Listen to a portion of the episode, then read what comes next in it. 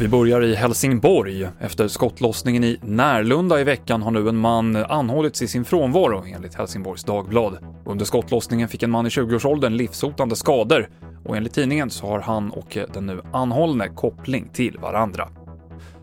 Mordet på den brittiske parlamentsledamoten David Ames igår utreds som ett terrorbrott och det kan finnas kopplingar till islamistisk extremism, det uppger Scotland Yard.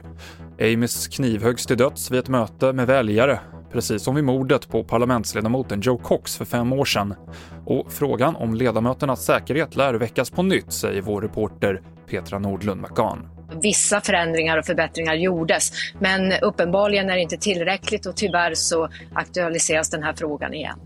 I Nya Zeeland så har det under lördagen pågått ett jätteevenemang med syftet att få fler att vaccinera sig mot covid-19. Under den här superlördagen så har kliniker bjudit på allt från livemusik till hamburgare och medier har direktsänt under hela dagen. På eftermiddagen hade över 120 000 nya zeeländare vaccinerat sig.